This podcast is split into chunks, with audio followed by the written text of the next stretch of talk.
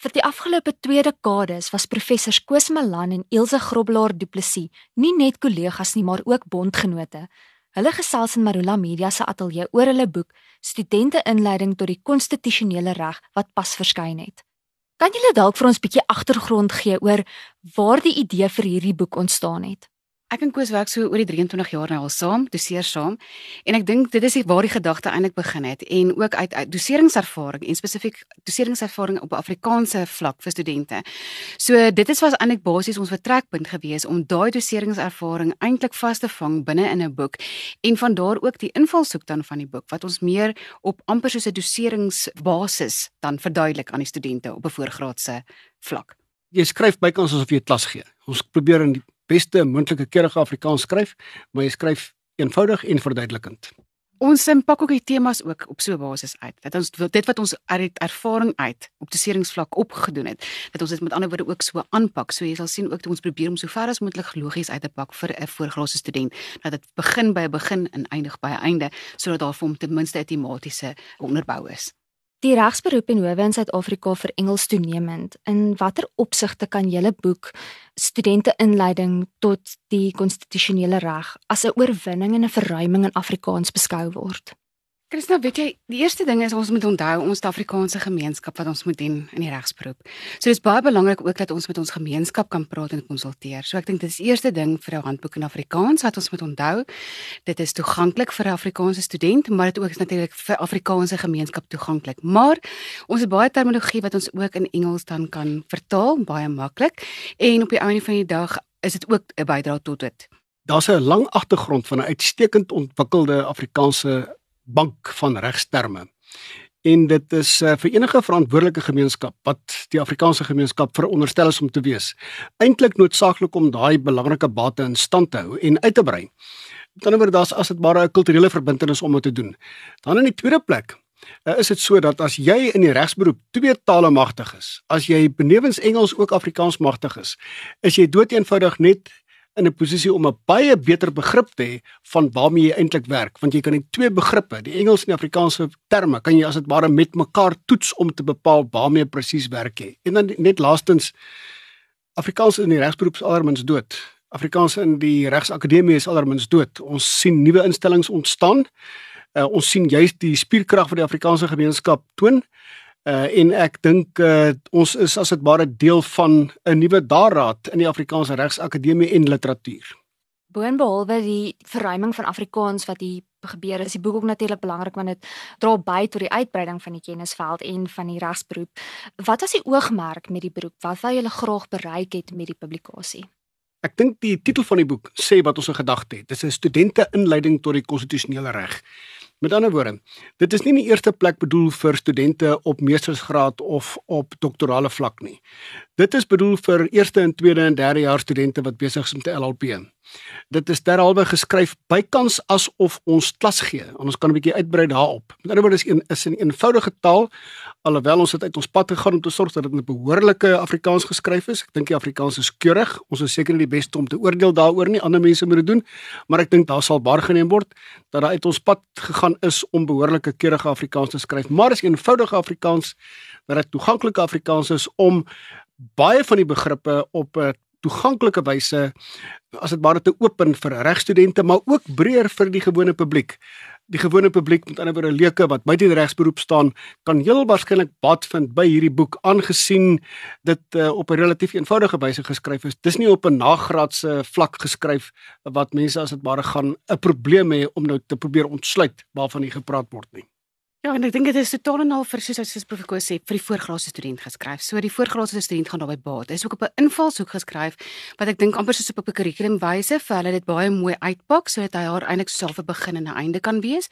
En dit is op 'n meer hedendaagse, bietjie meer hedendaagse invalshoek wat bietjie 'n opdatering is, sal ek amper sê van die konstitusionele reg hoe hy nou daaruit sien. Nie 'n terugblik soos in voor die finale wel die, die grondwet aangeneem is nie of die tussentydse grondwet nie, maar 'n bietjie meer hedendaagse uh, invalshoek. So ek dink dit maak dit ook 'n bietjie bietjie anderster en bietjie uniek, bietjie opgedateer. In die voorwoord het ek ook gelees dat dit glad nie ook nie heeltemal omvattend is van die konstitusionele reg as breër onderwerp nie. So kom ons gesels vinnig oor die temas en hoe julle toe nou uiteindelik die inhoud gekies het wat hierin bespreek word. Ja, ek dink ons basiese uitgangspunt is om in eerste plek ek wil net daarby Ilse aansluit. Ek dink is baie belangrik. Ek sien daar's 'n vonkel in haar oë gesê dit sê en dit is ook goed so. Dit is hedendaags geskryf. Met ander woorde, uh hier is nie noodwendig 'n verskriklike optimistiese of noodwendig 'n verskriklike negatiewe of pessimistiese blik op die grondwet nie. Maar wat 'n mens gekry het en op die konstitusionele reg in Hebreë nie. Wat mens gekry het 20, 25 jaar gelede en so aan was dat die grondwetlike reg is op 'n geweldige optimistiese, bykans vrolike uitbundige wyse aangepak. As gevolg waarvan mense eintlik met 'n onrealistiese vorm van akademie beoefening te doen gehad het. Ons het dit nie gedoen nie. Ons benadering was luister so sien volgens die letter van die wet en so sien volgens die letter van die grondwet die grondwetlike reg daaruit maar te gelykertyd het ons die voordeel van 25 jaar plus wat die grondwet in werking is op sterkte waarvan ons kan sien hier funksioneer dit nie na wense nie daar funksioneer dit nie na wense nie. Ons het ook daaroor geskryf. En wat staan ons te doen ten einde as dit ware te verbeter op die huidige in beduidende opsigte tekortkome wat ons inderdaad het. Die temas, jou spesifieke vraag, is daarop gemik om die huidige wel op twee goed. Wat is die mees basiese goed om om te hanteer? Wat is die ABC van die konstitusionele reg? Die mees basiese goed wat 'n student moet basraak. Maar dan in die tweede plek, wat is die hedendaagse goed waaroor mense vandag praat? Uh, wat is die hedendaagse goed wat in temas wat in studente se gemoed en in die publiek se gemoed opkom waaroor daar vraagtekens bestaan? Ons het dit aangespreek sodat mense nie werk met eh, 'n uh, suiwer teoretiese op 'n afstand blik nie want dan gaan jy ongeloofwaardig wees. Ons het so probeer skryf dat ons geloofwaardig is om te probeer om die vrae wat daar in die gemoed van die leserspubliek uh, meer spesifiek dan die studente is te hanteer en te beantwoord. Maar tog het ons ook die strukturele staatsreg soos wat hy daar is ook goed aangespreek. Die eerste gedeelte is meer 'n historiese blik en dan die tweede gedeelte het ons meer op die strukturele staatsreg dat 'n student 'n goeie onderbou het van die strukturele staatsreg. So jou absoluut jou drieledige verdeling van owerheidsgesag met jou uitvoerende wetgewende en regsprekende gesag is goed uitgebou, ook met jou vlakke van regering op nasionaal, provinsiaal en plaaslike vlak.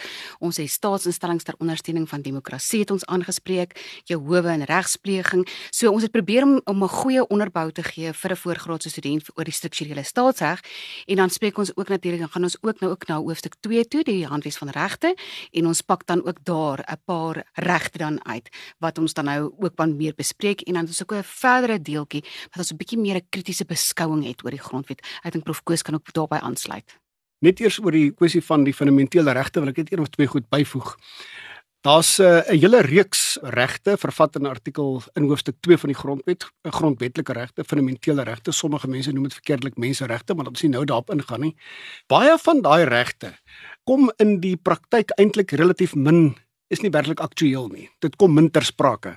Maar daar's sommige van die ander regte wat baie gereeld ter sprake kom wat die kwessies is wat vir die doeleindes van die regspraktyk elke dag wat vir die doeleindes van die belang van die publiek van die grootste belang is. En ons het hulle uitgesoek.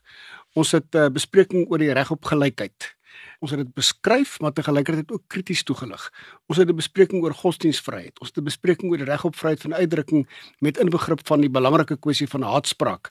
Ons het eh, 'n uh, fokus op bepaalde sosio-ekonomiese regte, juis omdat dit iets is wat eh, 'n uh, soort van 'n nuwigheid in die huidige grondwet is. So ons het dit toegelig ons het eh, 'n uh, kort hoofstuk oor omgewingsregte.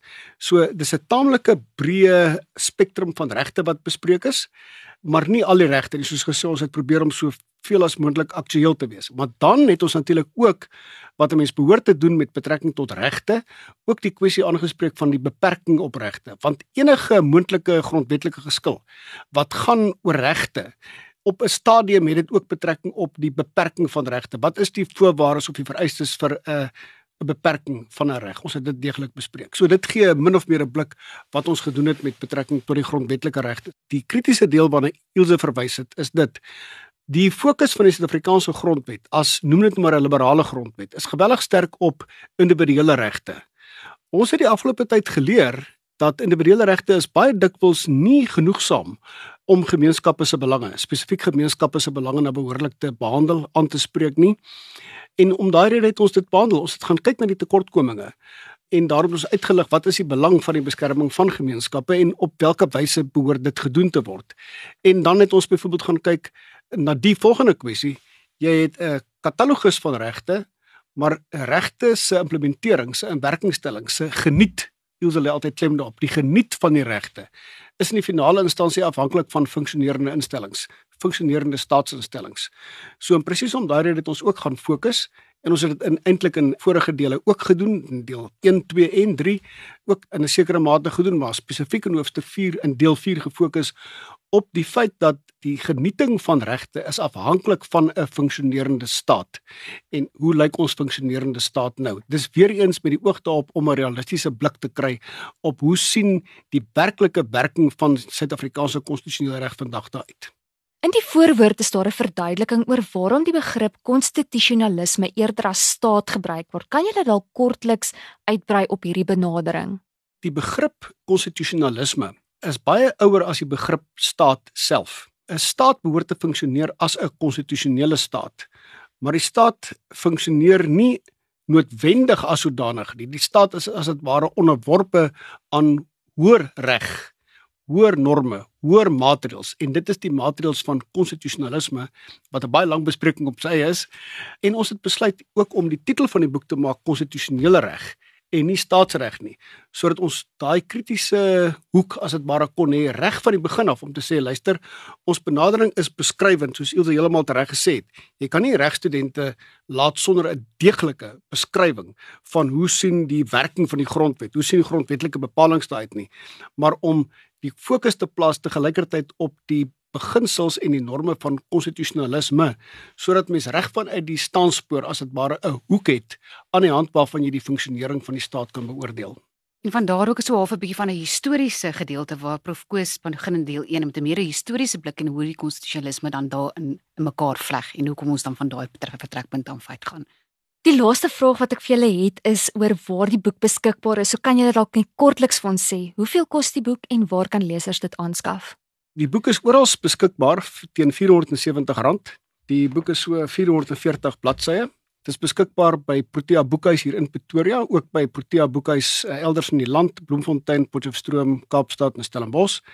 En dan is dit ook by Akademia wat reeds die boek aanbeveel het uh, vir hulle studente waar ons natuurlik baie bly is teen dieselfde prys beskikbaar en dan kan dit ook van die uitgewer, die boek is uitgegee deur uh, die deur die FHK wat goed gunstiglik as uitgewers opgetree het en dis by die FHK beskikbaar teen dieselfde prys.